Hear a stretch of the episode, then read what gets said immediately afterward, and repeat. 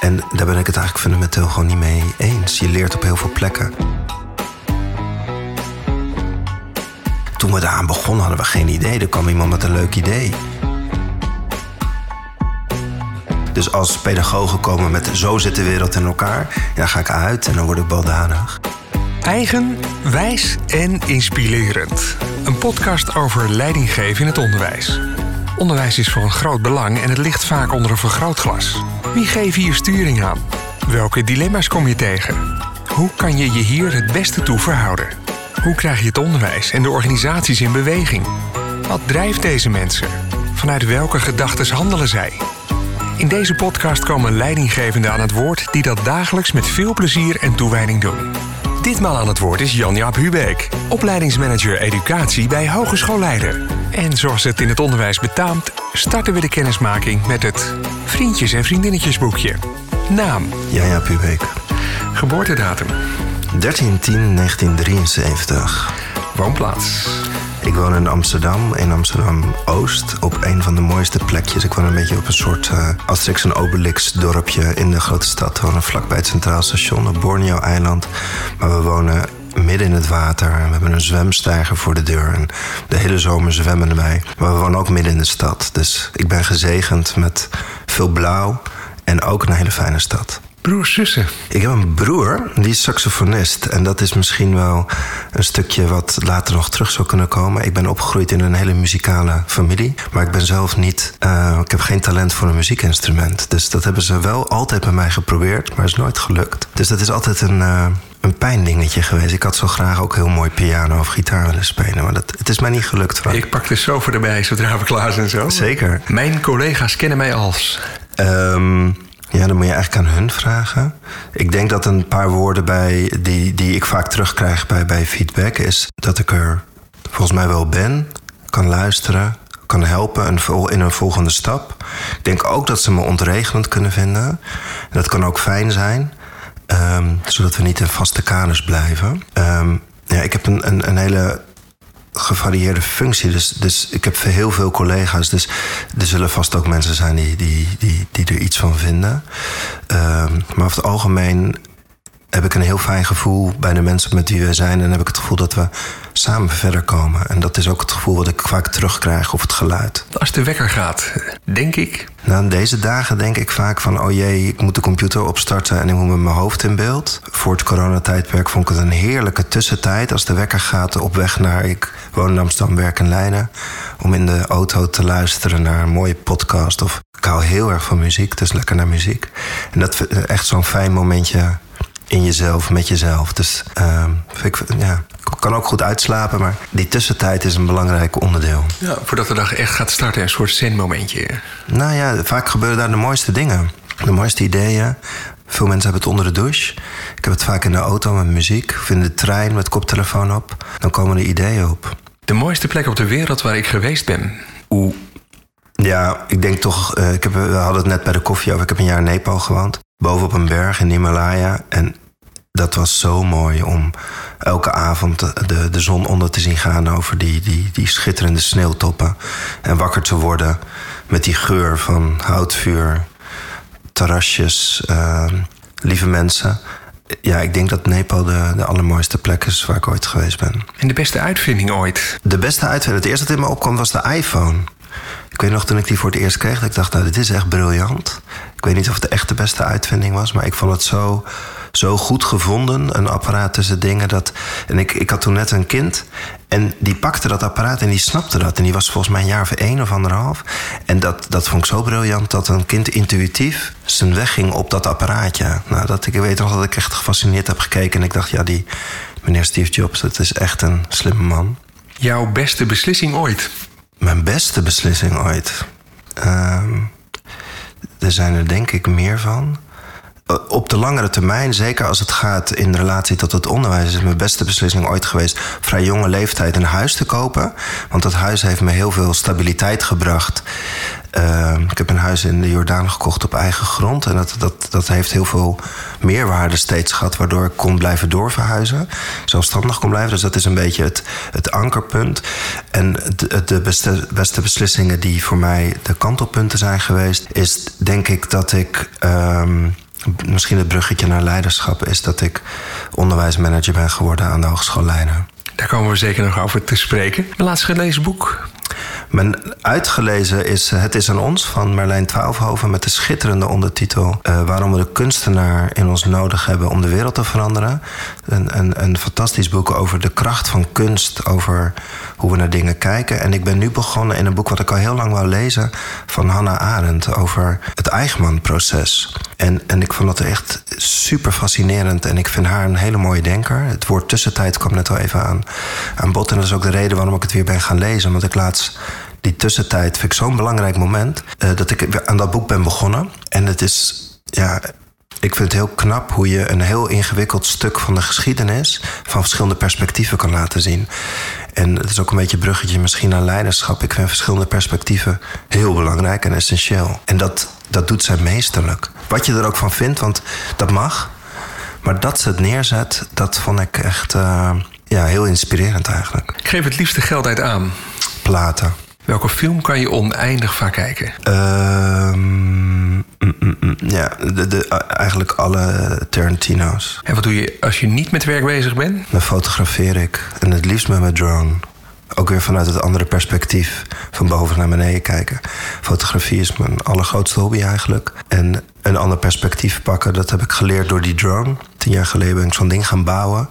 En nu zijn ze allemaal klein en kan je hem overal de lucht in gooien. Maar een mooie foto maken, dat, als het, het lukt nooit. Maar als het een beetje lukt, dan, dan ben ik het zo blij als een kind. Je ogen gaan al twinkelen. Ja.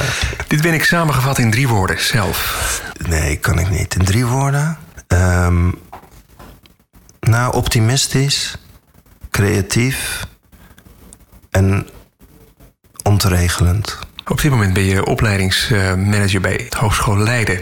Bij educatie. Sinds wanneer ben je daar in dienst? Ik ben daar geloof ik in dienst in het jaar 2006. Ik kwam binnen als docent omdat ik met moeilijk opvoedbare kinderen in het middelbaar onderwijs op het uh, praktijkschool plus voor 16 tot 20-jarigen dingen deed met computers en, en hun wereld kon verbinden door met beeld en geluid te werken. En ik vond dat leerkrachten in het basisonderwijs waar ik ook werkte, eigenlijk daar te weinig mee deden. En de, deze leraaropleiding zeiden: ja, we willen heel graag onze toekomstige leerkrachten dat leren. En ik was er een jaartje en toen kwam er een. Uh, een interimmer. En toen veranderde de hele wereld. En uh, er ging veel op zijn kop. De, de, aanleiding was een accreditatie. Dat was een periode dat veel pabo's kwalitatief onder water stonden. Er moest veel gebeuren. En Um, veel Pabo's hebben in die tijd ook een uh, gele of een rode kaart gehad. Dat was echt uh, veroordeling ten top. De hele maatschappij vond er van alles van. En toen vroeg die interimmer, die had iemand nodig met durf, maar ook een beetje visie en de mensen aan elkaar kon verbinden. En die, die keek mij aan en die zei: Dit ga jij doen. En dat vond ik wel grappig. En, uh, en ik was ook wel behoedzaam, want er gingen ook veel mensen via de achterdeur naar buiten. En toen heb ik geholpen met het, het, het, het, ontwikkelen van een nieuw curriculum voor de PABO. En, en, eh, vanaf welke datum ben je dus in deze functie? Ja, deze functie volgens mij vanaf 2009. Ja, dus 10, 11 jaar. Ik, ik, zoom graag straks in op het hier en nu, zeg maar. Maar er is een tijd geweest dat je een klein uh, Jan Jaap bent geweest. Neem eens even mee naar de basisschool. Wat is je loopbaan geweest? Ik ben opgegroeid in Saudi-Arabië. Als kind tot mijn achtste heb ik in een grote woestijn gewoond. En heb daar op een hele fijne basisschool gezeten met een groot zwembad eromheen. En um, dat, dat was fijn. Daarna ben ik hier, waar wij nu zitten, we zitten in Amstelveen, ben ik op een basisschool terechtgekomen. En daar kijk ik eigenlijk niet zo leuk op terug. Um, ik heb moeite met de letters op de goede plek krijgen. En dat, dat werd eigenlijk niet in mijn optiek nu uh, retroperspectief niet gezien. Dus ik, mijn herinnering is veel rode strepen en, en je voldoet niet. Toen ben ik naar de middelbare school gegaan. Dat is eigenlijk een voortzetting geweest. Tot ik, uh, ik zat altijd in Amsterdam op de middelbare school. Um, dus ik heb uh, een paar jaar op het VWO gezeten. En ik heb ook echt tweeën en enen op mijn rapport gehad. En ik vraag me echt achteraf af welk idee daarbij daarachter zat. En toen ben ik naar een andere school gekomen. En toen kwam daar een docent en die zei: Hé, hey, maar wat wil jij eigenlijk? En uh, ja, ik ben echt van die middelbare school heb ik mijn eindexamen gehaald, echt met achters en negens. En heb het twee na hoogste cijfer voor wiskunde landelijk dat jaar gehaald. En het kon dus blijkbaar wel. Er moest alleen een andere ingang bij mij gevonden worden. En misschien is dat ook wel de reden dat ik later in het onderwijs ben gaan werken, omdat ik vind dat het, het gemiddelde kind met rode strepen. Daar, daar kom je niet altijd verder mee. En ik gun eigenlijk elk kind zijn eigen talent en ontwikkeling. En ehm, nou, dat heb ik gewoon ook letterlijk ondervonden, denk ik, achteraf. Hè, toen je, je wandelde er doorheen. En bij de ene school werd ik heel baldadig en werd er veel uitgestuurd. En bij de andere school had ik gewoon een hele leuke sociale tijd ook. Dus dat heb je op dat moment niet door. Maar achteraf is het wel grappig om te zien dus dat, je, dat je ook niet past in het systeem. En dat heeft me wel gevormd, denk ik. En daarna kwam het werkend leven. Dus denk de Pabo, als ik hem zo... Ja, dat is een beetje een per ongeluk gegaan eigenlijk. Dat ik op de Pabo terecht kwam. En, en ik, ik voelde me niet thuis op die leraaropleiding. Ik voelde me ook niet thuis op de gemiddelde school... waar een, een grote vrouwencultuur was. Tot ik in het speciaal onderwijs terecht kwam... en zag dat er naar het kind gekeken werd... En toen heb ik toch gekozen om die PABO af te maken. Ik ben in het speciaal onderwijs gaan werken, ben pedagogiek gaan studeren... omdat ik echt interesse had in dat kind. En ik vond ook echt dat daar mooie mensen werkten. Die mensen die stonden op, die lieten hun wekker gaan... even aansluiten bij jouw vraag... om echt het verschil te maken voor dat kind. En elk kind heeft het anders nodig. En, en het was rete moeilijk. En je kwam helemaal kapot thuis. En er waren dagen dat ik dacht, nou, ik, ik kan dit niet. Maar in die end was het zo dankbaar en zo mooi. En dat, dat vond ik zo tof om daaraan bij te dragen. Ik vond wel de school een ingewikkeld instituut. Dus wat ik veel gedaan heb, ik heb altijd ik heb veel gezet CP daarnaast. Dus ik heb veel educatieve websites gemaakt. En ik heb andere dingen daarnaast altijd gedaan. Want vijf dagen op een school, dat is me nooit gelukt. Tot deze baan. Dit is de eerste baan waarin ik alles wel bij elkaar kan doen en waar ik me niet opgesloten voel. De school als instituut vind ik toch vaak een plek waar kinderen naartoe moeten en daar moet je dan leren. En daar ben ik het eigenlijk fundamenteel gewoon niet mee eens. Je leert op heel veel plekken. En dat, dat voelde ik echt op zo'n school, ook gewoon fysiek in zo'n lokaal, in zo'n koffiekamer. Nou ja, de cultuur van scholen, daar kan een groot verschil gemaakt worden.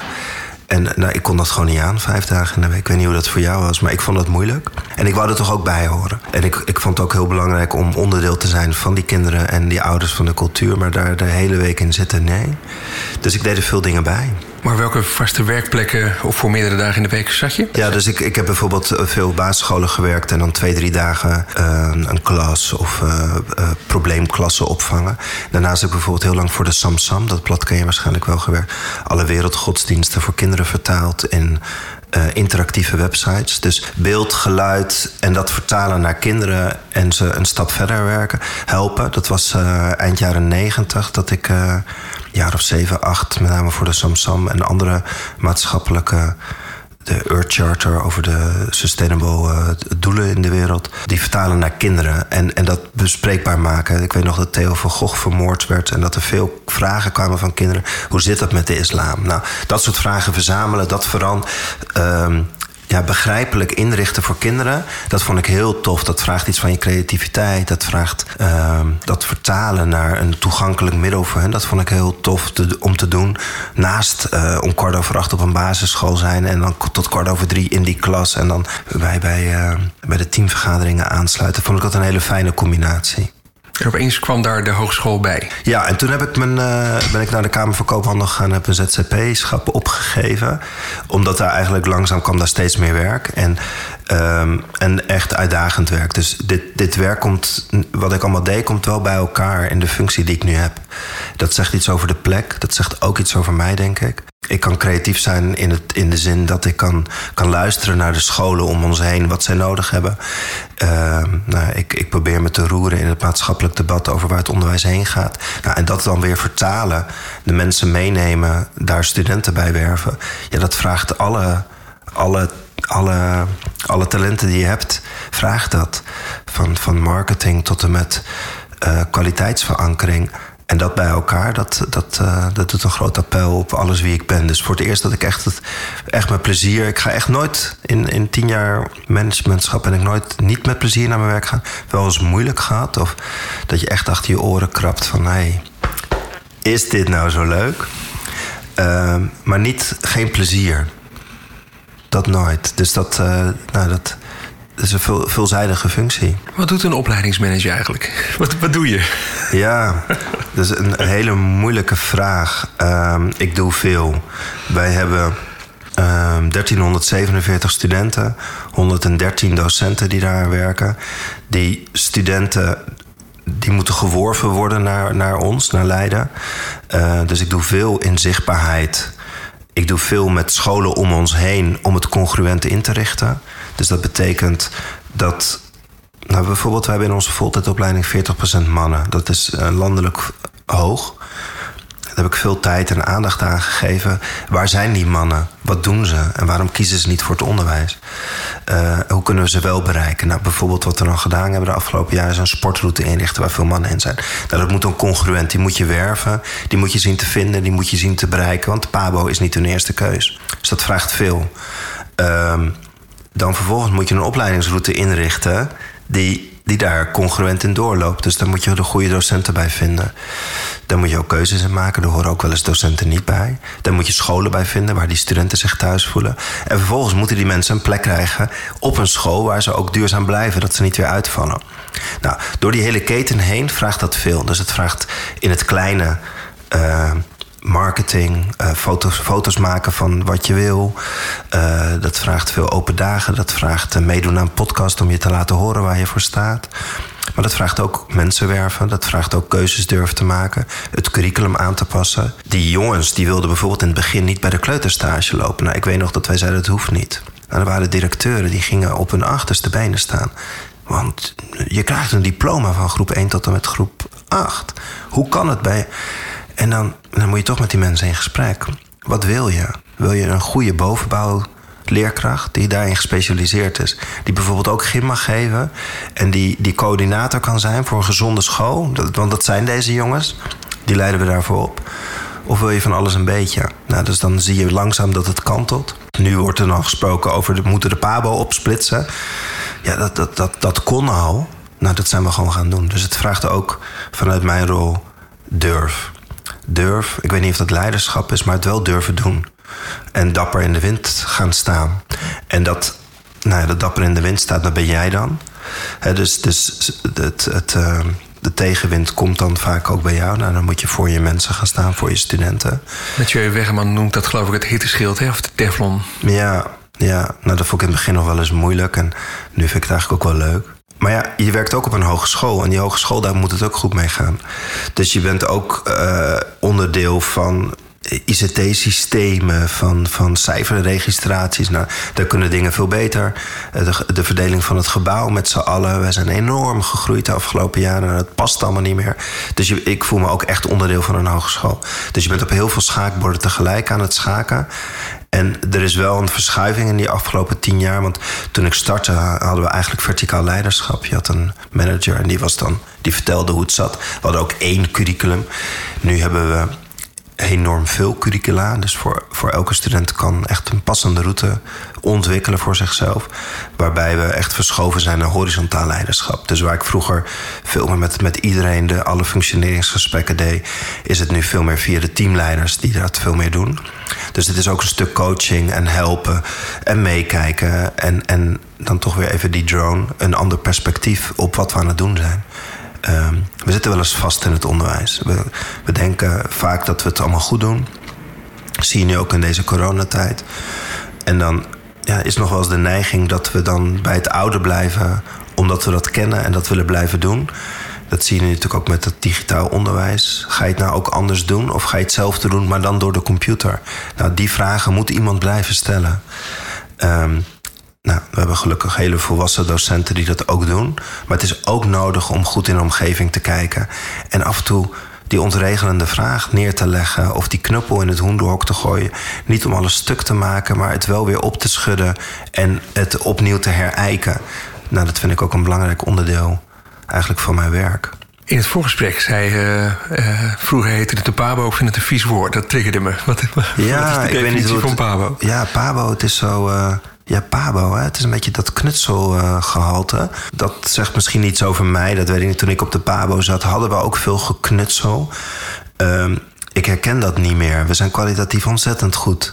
Uh, er wordt veel en, en, en, een hoge kwaliteit geëist. In de afgelopen jaren zijn wij onder andere met de Universiteit Leiden hebben we heel veel VWO'ers naar binnen gehaald. die het gewoon echt een pittige opleiding vinden.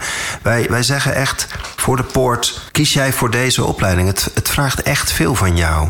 Weet je dit zeker? En nou, dat is best een stevig signaal. En, en als ik toch even dan tien jaar geleden keek, dan was het vaak, ja, ik ga maar Pabo doen, want ik weet het niet. Nou, en dat, dat hangt nog een beetje aan het woord Pabo. Dus ik zit echt te wachten tot de commissie Zevenbergen met de onderwijsbevoegdheden gaat zeggen dat de, de schotten tussen het PO en het VO gaan verdwijnen, zodat we echt gewoon lerarenopleiding heten. Want dat, dat vind ik een veel beter woord dan PABO. En dat komt met name misschien door die O, waardoor het wat, wat afzwakt. Maar ik vind het niet staan voor het ongelooflijk belangrijke en betekenisvolle beroep wat leraar is. Want je maakt ontzettend veel verschil in die klas elke dag. En, en, en in het woord Pabo doe je daaraan tekort. Dus dat is de associatie die ik daarbij heb. Ik zat eh, te luisteren naar de, de, de. Nou ja, ik zit met pijn in mijn buik te luisteren zeg maar, naar je leerervaringen als eh, kind met de ene en de tweeën. Zeg maar. Laten we normaal gesproken kijken even naar het werkend leven. Laten we vanaf, eh, vanaf de basisschooltijd naar nu. Is er een soort rode draad te ontdekken in dingen die je doet? Die nou, de rode draad is misschien nieuwsgierig zijn. Dus ik, ik vond dat uh, kind wat, wat, wat niet paste. Dus het kind wat een ontwikkelingsstoornis heeft of een extreme gedragsstoornis. Ik werkte op het Pedologisch Instituut. Vond ik heel fascinerend.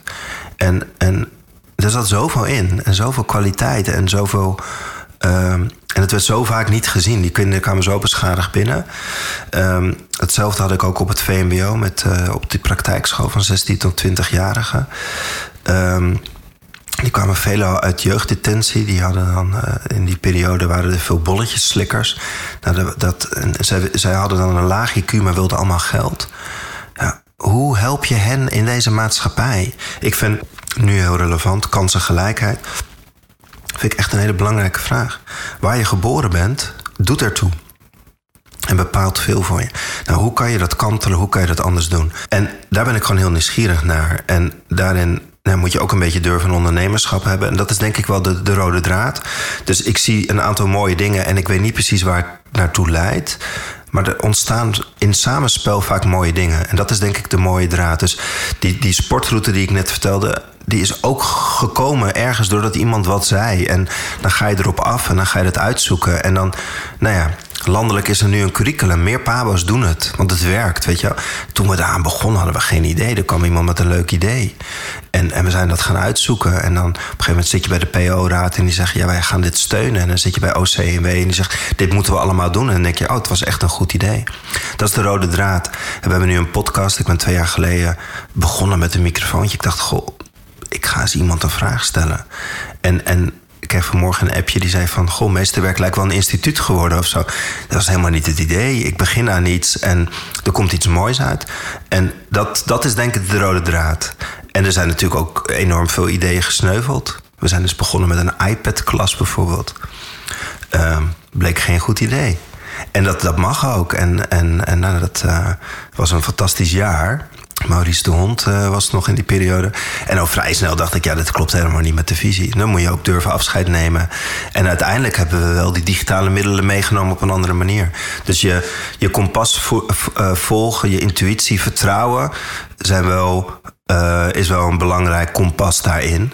Um, maar nieuwsgierigheid staat denk ik boven, bovenaan. En, en ja, misschien wat minder gehinderd door het zit zo in elkaar. Mensen die zeggen de, de waarheid zit zo in elkaar, vind ik moeilijk. dus het directe instructiemodel. Uh, ik zit sinds kort op Twitter om, om, om te kijken hoe ik omga met een beperkt aantal tekens. Dan zeg je wat en dan krijg je enorm veel uh, riool over je heen. En dan valt het me op dat veel mensen uh, heel veroordelend zijn. En dan, en dan probeer ik dat te begrijpen. Dat vind ik lastig. Want hoezo kan je zo overtuigd zijn dat, dat je alleen maar academisch geschoolde leerkrachten moet hebben die het directe instructiemodel uitvoeren? Ja, als je iets wil leren wat je op die manier kan leren. Maar heel veel wat wij belangrijk vinden, kan je niet op die manier leren. Je kan niet een direct instructiemodel neerzetten op nieuwsgierigheid, op creativiteit, op je verhouden tot. Hè, uh, lees maar eens zo'n uh, zo Hannah Arendt, wat vind je daarvan? Is niet de toetsen, het spijt me. Je kan het proberen met, met toetscriteria. Maar ja, lukt je niet. Ik, ik, vroeg naar de rode draad. Hè, en, en, terwijl ik hem vroeg, zat ik ook zelf al in te vullen. Eh, het woord pedagoog komt bij mij ook op als ik naar je luister. Ja, er zit een pijnpunt. Want ik ben pedagogiek gaan studeren en ik voelde me geen pedagoog. Ik voelde me vooral niet sociaal thuis. Bista is echt een van mijn helden. Maar ik vind Bista ook een van de, de, de meest onbegrijpelijke man op deze wereld. Onbegrepen of onbegrijpelijk? Onbegrijpelijk. en, en heel veel mensen gebruiken hem. Je komt hem overal tegen. En ik vraag me af, behalve hij zelf, wie begrijpt hem echt? Maar hij heeft een, de, de, de drie ballen van Bista vind ik echt heel mooi. En vind ik ook helpend. Um, maar uh, John Dewey vind ik misschien veel inspirerender als het gaat over leren is een, is een sociaal proces. En ik voelde me niet thuis bij de, onder de pedagogen, ook omdat daar een, een sterk overtuigingsmodel zat. Dit onderzoek is het enige onderzoek wat ertoe doet. Dus ik, ik raak uh, verstrikt als er een gleuf is waar je in moet passen. Dat voelde ik bij de pedagogen. Maar mijn grootste nieuwsgierigheid gaat wel uit naar het grensgebied van pedagogiek en het handelen in de praktijk. En ik ben geen filosoof, maar ik luister graag naar ze. Jan Brands vind ik echt een, een, zijn boek gevormd of vervormd. Vind ik een van de beste boeken die ik de afgelopen jaren heb gelezen. Dus ik vind dat, dat grensgebied wel ontzettend mooi. Um, maar ik merk dat ik me tussen pedagogen niet altijd thuis voel. Dus dat zit in dat sociale stuk. Um, terwijl ik heb bijvoorbeeld een hele mooie podcastserie gemaakt over hoogbegaafdheid. Dat gaat alleen maar over zie je het kind. En dat vind ik de meest waardevolle vraag die er is. Zie je het kind? En wat vraagt het dan vervolgens van jou? Nou, en daar heb je weer die verschillende perspectieven in nodig. Dus als pedagogen komen met zo zit de wereld in elkaar, dan ga ik uit en dan word ik baldadig. En dan is de kunst om met elkaar te, te verschuiven. Nou, dat heeft Bista wel mooi gedaan. In het hier en nu staat er dus uh, manager op je visitekaartje. Uh, je hebt al een beetje verteld wat je deed, maar hoe krijg je het in beweging? Waar zit jouw secret handshake? Wat neem je mee waardoor het werkt of niet? Nou, dat is aansluiten bij wat er in de praktijk gebeurt. Dus we hebben nu een, een, nieuwe opleidingsvariant voor vernieuwend onderwijs. En dat komt omdat een aantal scholen al een aantal jaren zeiden van ja, jullie leiden in de leraaropleiding toch wel een beetje op voor dat gemiddelde leerkrachtbeeld. Terwijl vernieuwende scholen iets anders nodig hebben. Hetzelfde komt vanuit speciaal onderwijs, die hebben iets anders nodig. En daar zijn we ook gewoon dapper in gaan staan. Van nou, wij sluiten daarbij aan. We hebben nu bijvoorbeeld in het speciaal onderwijs dat wij opleiden. We leiden nu op in vernieuwende scholen. Nou, dat zijn scholen, bijvoorbeeld in nieuwbouwwijken, die opnieuw een, een school gaan uitvinden. En op het moment dat er geen school bestaat, mee gaat nadenken over we gaan iets doen met kinderen en leren, kom je niet op dat traditionele oude 200 jaar geleden bedachte idee van een school. En dat vind ik interessant en daarvoor opleiden. Nou, daar samen mee werken en die urgentie naar binnen brengen, dat brengt beweging. Want dan komen die pedagogische vragen weer naar voren. Vertrek je vanuit een klas of vertrek je vanuit de ontwikkeling van een kind? Nou, door die vragen op tafel te leggen, die aan elkaar te verbinden. En dan vervolgens mensen ruimte en vertrouwen te geven om dat te gaan invullen. Dat zie je bij deze opleiding voor vernieuwend onderwijs. Er zijn een aantal mensen die zeiden, ja, daar gaan wij in. Nou dan, wat heb je nodig? Dat is vaak tijd en vertrouwen dan is er niet zoveel leiderschap nodig, behalve dat. dat. Dat ze in rust te laten groeien en op het goede moment ze te helpen. Goede momenten helpen dat de studenten komen, goede momenten helpen dat ze in het systeem passen. Want ik ben niet zozeer om naast het systeem te gaan staan en dan alles stuk te gooien. Uh, en dan te zeggen het moet beter. Ik denk dat, dat er veel meer ruimte in ons onderwijs zit dan we nemen. En, en dat is mijn rol die weg daarin te wijzen en daarvoor te gaan staan.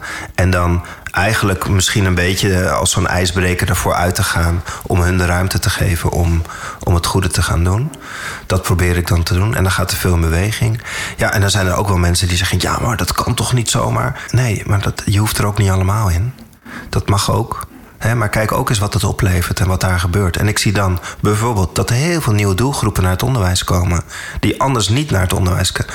Nou, dat vind ik gewoon heel waardevol. En dan, nou, dan kan ieder zijn eigen plek daarin vinden. Aan het begin van het gesprek was je bijna met gezonde jaloezie, zei je over je broer. Hij had het talent om saxofoon te spreken.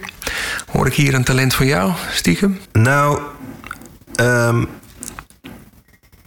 iets wat ik geleerd heb. Ik weet nog dat ik bij de leraaropleiding kwam dat we open dagen hadden en dat die echt pijnlijk slecht waren.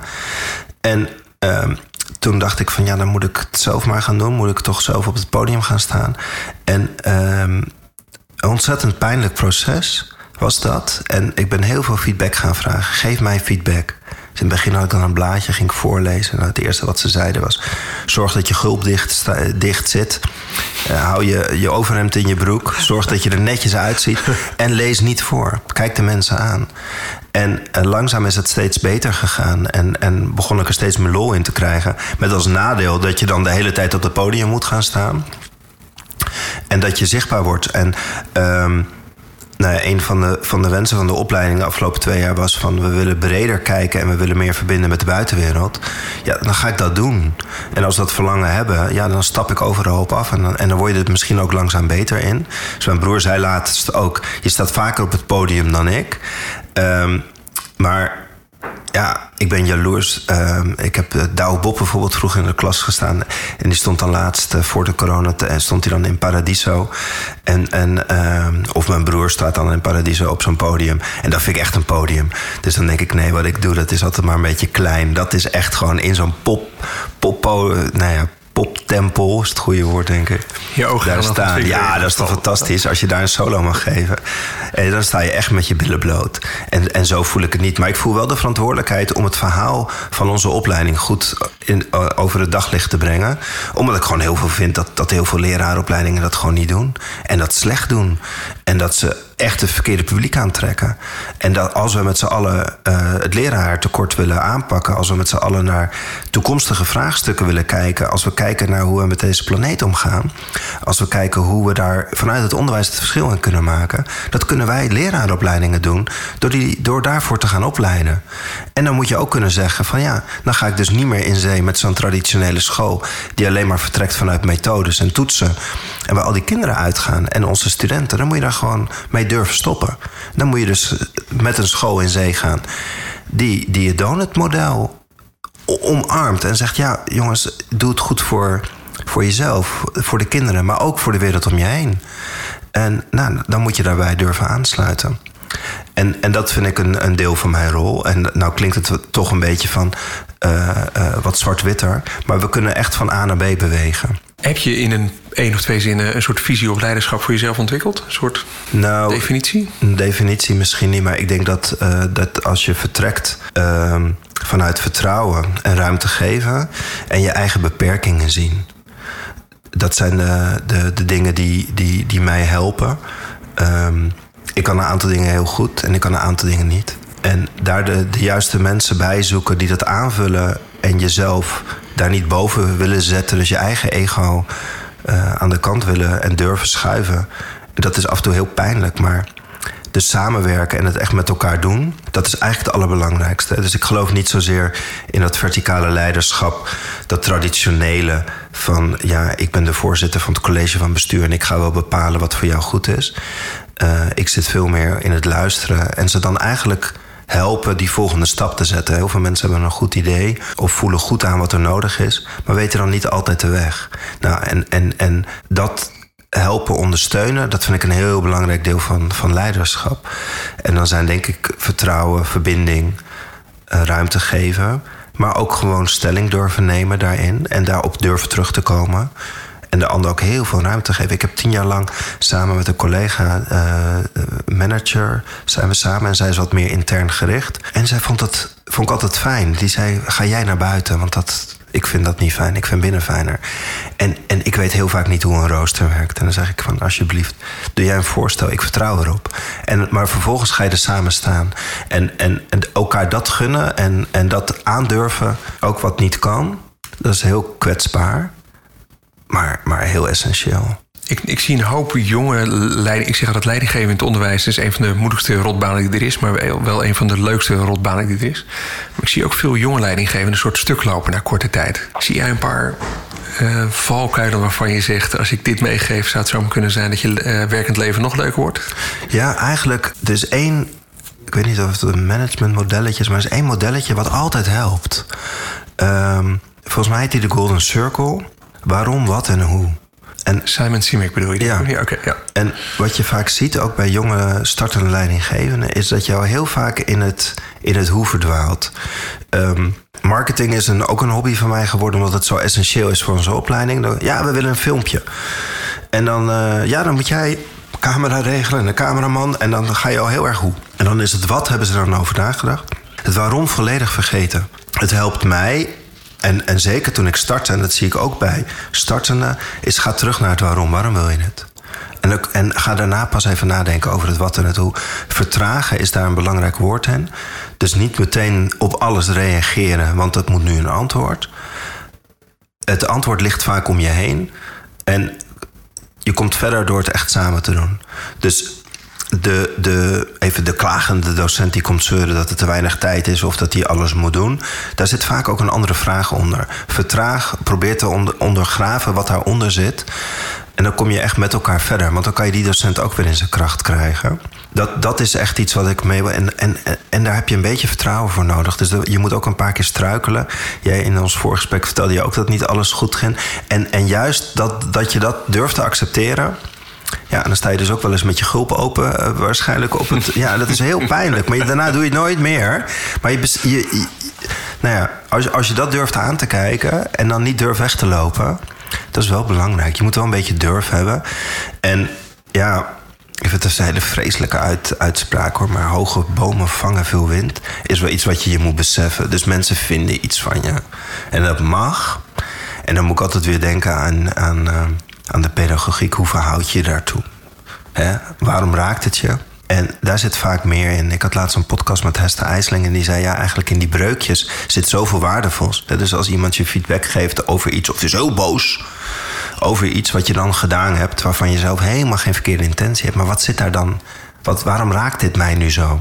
En dat zegt veel over jezelf. En ik denk dat startende leidinggevenden eigenlijk te weinig ruimte nemen om even afstand te nemen daarvan omdat ze alles willen oplossen. Ze willen aardig gevonden worden, ze willen het goede doen. Maar het goede gaat pas na een verloop van tijd. En daar moet je op durven vertrouwen. Dus met rust naar de toekomst kom je verder dan nu meteen het hele huis opruimen. Um, maar goed, zo kijk ik ernaar. Um, je hebt natuurlijk ook van die leidinggevenden die zeggen allemaal van ja, om van A naar B te gaan, gaan we een heel plan inrichten en we gaan deze stappen doen. Ja, dat, sommige mensen helpt dat in structuur. Um, mij niet. Ik ben veel meer terug bij waarom. Wat is nou de bedoeling van ons onderwijs? Waarom komen die kinderen elke dag naar school? En wat vraagt dat van onze leerkrachten? Want dan ga je in een gezamenlijke cultuur, in een community, kan je iets veranderen en beter krijgen. Dus dat gun ik eigenlijk startende leidinggevenden. Het klinkt alsof je veel regie hebt op wat je doet en, en hoe je het. Je, je filters staan volgens mij goed aan, zeg maar. Zijn er nog dingen waar je nog op leeg loopt of heb je dat helemaal, ben je helemaal in control? Nee, ik ben helemaal niet in control.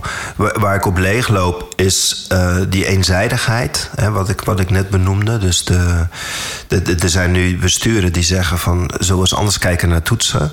Dan, dan komt daar zo diagonaal iets op. Ja, maar wat we nu doen is het enige goede. Daar loop ik op leeg. En, en dat vraagt elke dag weer: hoe kom je nou met die mensen op een goede manier in gesprek? Want ik geloof er niet in om tegenover elkaar te blijven staan. Maar ik geloof er ook niet in wat ze zeggen. Net zo niet als het niet zwart-wit is dat, dat, dat elke toets stom is. En dat die dat dat dood moet of dat daar een bom op moet. Dus daar geloof ik dus ook niet in. Dus die nuance zoeken. Ook zo'n docent die dan boos is over iets wat je dan uh, bijvoorbeeld gedaan of gezegd hebt. He, daarin het goede zoeken vind ik altijd kwetsbaar en moeilijk. Dat vraagt veel aandacht.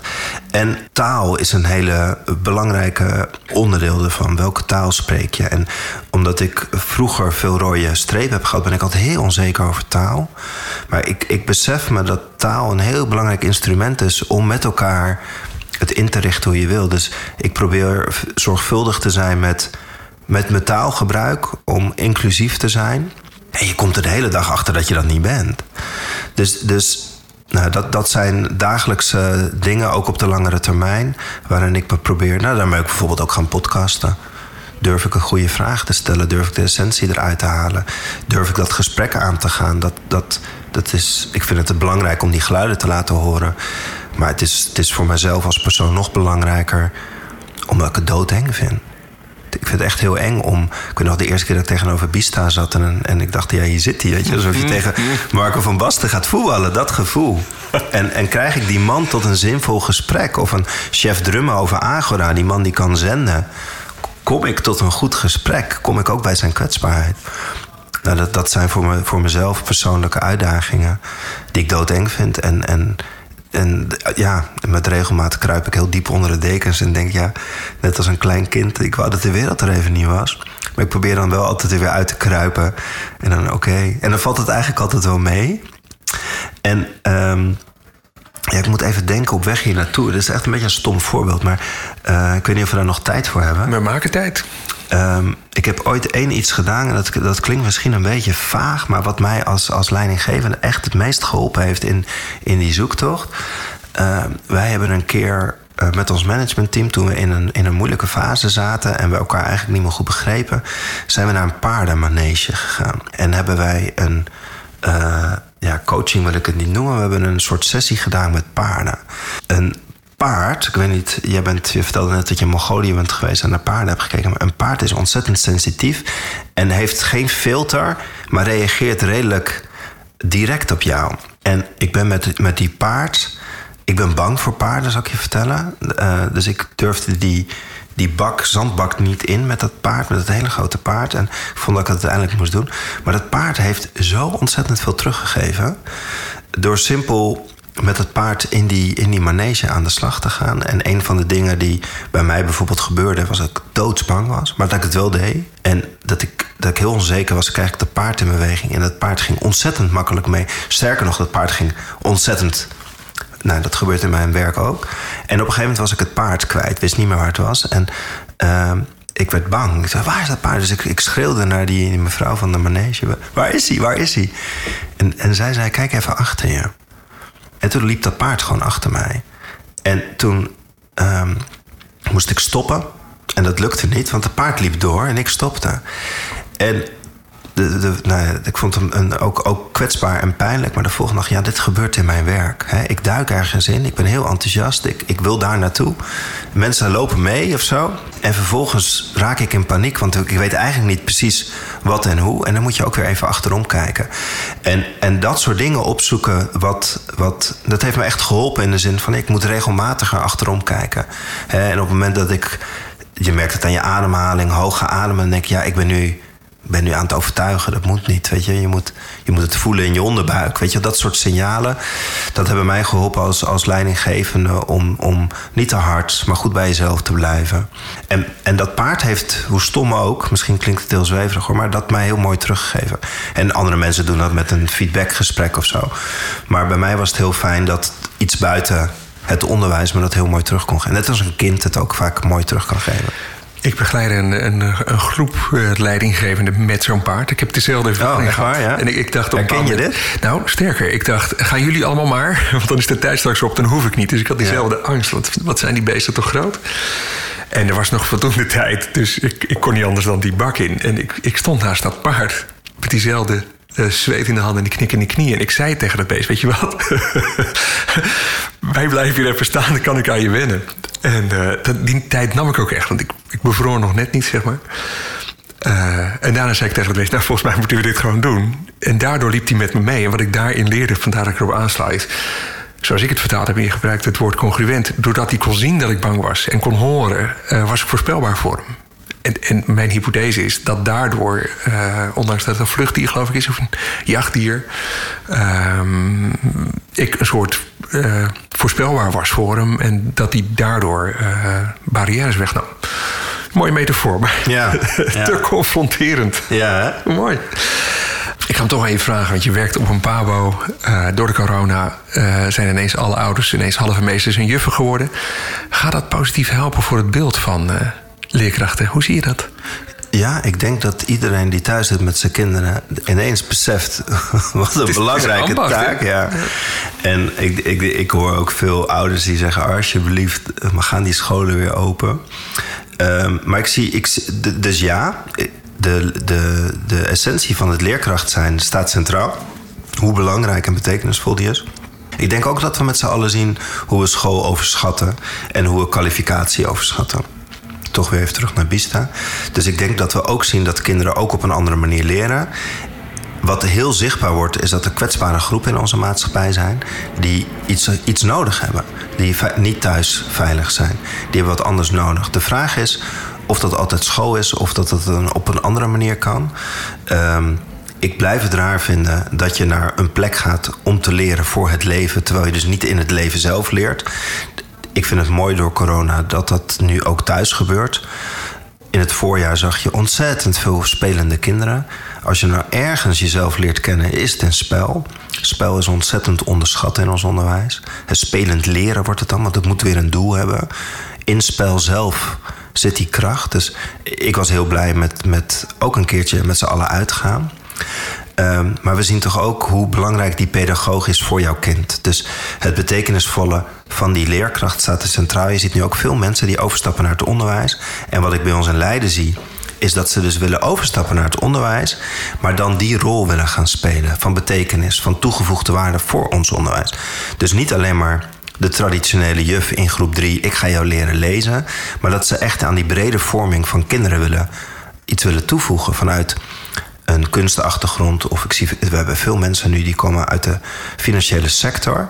Die hebben veel kennis, daar kan je veel mee in het onderwijs. En die willen dat toevoegen in ons onderwijs. Nou, dat vind ik een enorme meerwaarde. Dus ik denk dat het, het verrijkt. Het verarmt natuurlijk ook. Hè, want um, zijn natuurlijk ook veel ouders die denken... ja, ik moet dit en ik moet dat. En, en, en dat kind moet zus en dat moet zo. Dus die raken helemaal in de kramp. Ik weet niet of, of dat nou altijd de nadruk op, op moet komen te liggen. Maar wat ik ons onderwijs zo zou gunnen... is dat we Ehm, wat over de langere termijn kijken. Als je, als je 100 jaar wordt, waarom moet je dan in 18 jaar je hele opleiding doen? Waarom, waarom denken we dan niet over die 100 jaar? Waarom denken we dan niet over langer leren? Waarom, waarom proppen we die kinderen in een, in een klas en hebben we het nu over achterstanden? Ik vind dat echt moeilijk achterstanden door corona. We hebben achterstand. Je zegt dus tegen een kind ten opzichte van het gemiddelde: eh, heb jij iets niet? Terwijl ik denk dat ze nu heel veel andere dingen er ook bij krijgen. Dus ik zou inclusiever willen kijken naar het onderwijs. Ik denk dat het ook ander type leerkrachten vraagt. We zijn vrij eenzijdig in het onderwijs. Toch veel alfa, veel vrouw. Dus ik zou meer een afspiegeling van ons onderwijs willen zien om, om dat te verrijken. Niet dat die vrouwen en die alfa slecht zijn, maar om, het, om de diversiteit in die school als community te verrijken.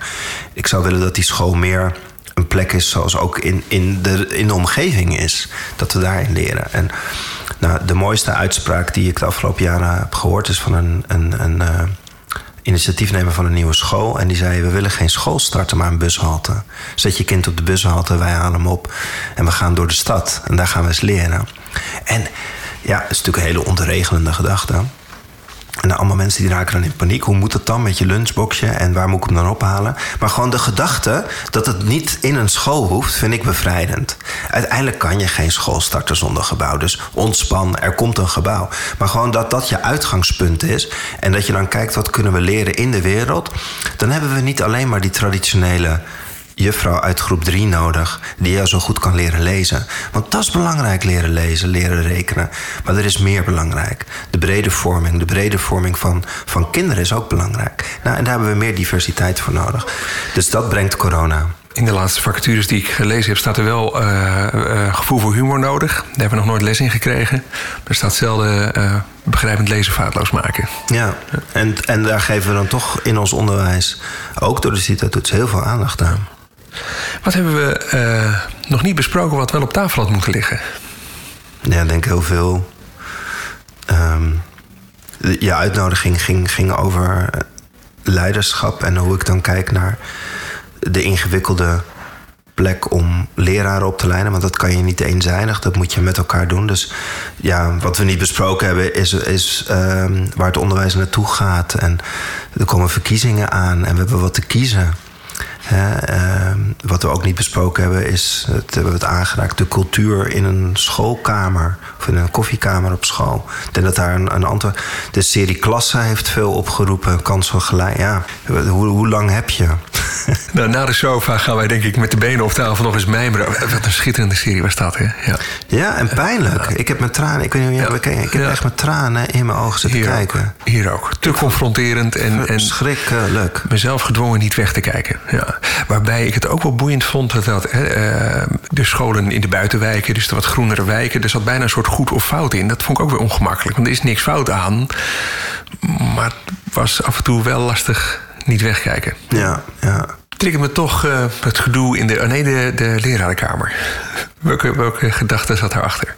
Ja, um, en dat is niet op elke school, maar um, um, er is, er, ik heb toch op verschillende scholen, en ik, ik kom nu natuurlijk ook op veel scholen, er hangt een soort norm wat juist of, of, of niet juist is. En als, als je hebt het net over humor. Laat ik het anders zeggen. De mensen die mij het meest geïnspireerd hebben in het onderwijs waren mensen in de klas. Dat was die goede kleutermeester die het briljant deed met die kinderen. En wat had hij? Die luisterde en die deed het goed op het goede moment. En, en dat mis ik, miste ik vaak in de, in de koffiekamer op basisscholen. Eh, omdat we met z'n allen dan het, eh, het, de gemiddelde norm moesten, moesten eh, voorstaan. En dat vind ik zo fijn aan een hogeschool waarin wij nu zijn. Ja, ik ben toch een beetje atypisch misschien. En dat mag er dus bij ons zijn. En dat voelde ik vaak niet zo je mocht dan wel die leuke meester zijn met die gitaar in de klas en uh, uh, leuke dingen doen. Maar, maar, maar echt helemaal een beetje anders en een beetje afwijken was toch ook weer niet de bedoeling. Dus je, ik weet niet hoe jij het ervan je moest toch wel een beetje in het malletje van de school passen. En ik heb niet altijd op basisscholen de inspirerende directeuren gehad. En dat vind ik nu erg fijn aan een hogeschool waar veel meer ruimte en vertrouwen is. Waarin je ook anders mag zijn en waarin dat ook echt gewaardeerd en als meerwaarde wordt gezien. En, en dat gun ik de basisscholen. Ehm, dus vandaar ook mijn oproep voor meer, diversiteit in die scholen. Ehm, om het echt een afspiegeling van, van de wereld om ons heen te maken. Met welke tegelwijsheid of leefspreuk, lijfspreuk zou je willen afsluiten? Nou, misschien die ik net zei. Dus eh, voor, voor kansengelijkheid is, is een ongelijk aanbod, aanbod essentieel. En doe het daarbij goed voor jezelf, zodat je het goed voor een ander kan doen. Met de wijsheid dat ik uh, meer vragen niet gesteld heb uh, dan wel, wil ik je bedanken. Aan het woord was uh, Jan-Jaap Hubeek. Dankjewel. Dankjewel. Welke inspirerende leidinggevende wil jij wel eens aan het woord horen? Laat het me gerust weten via frank.schildkamp.bmc.nl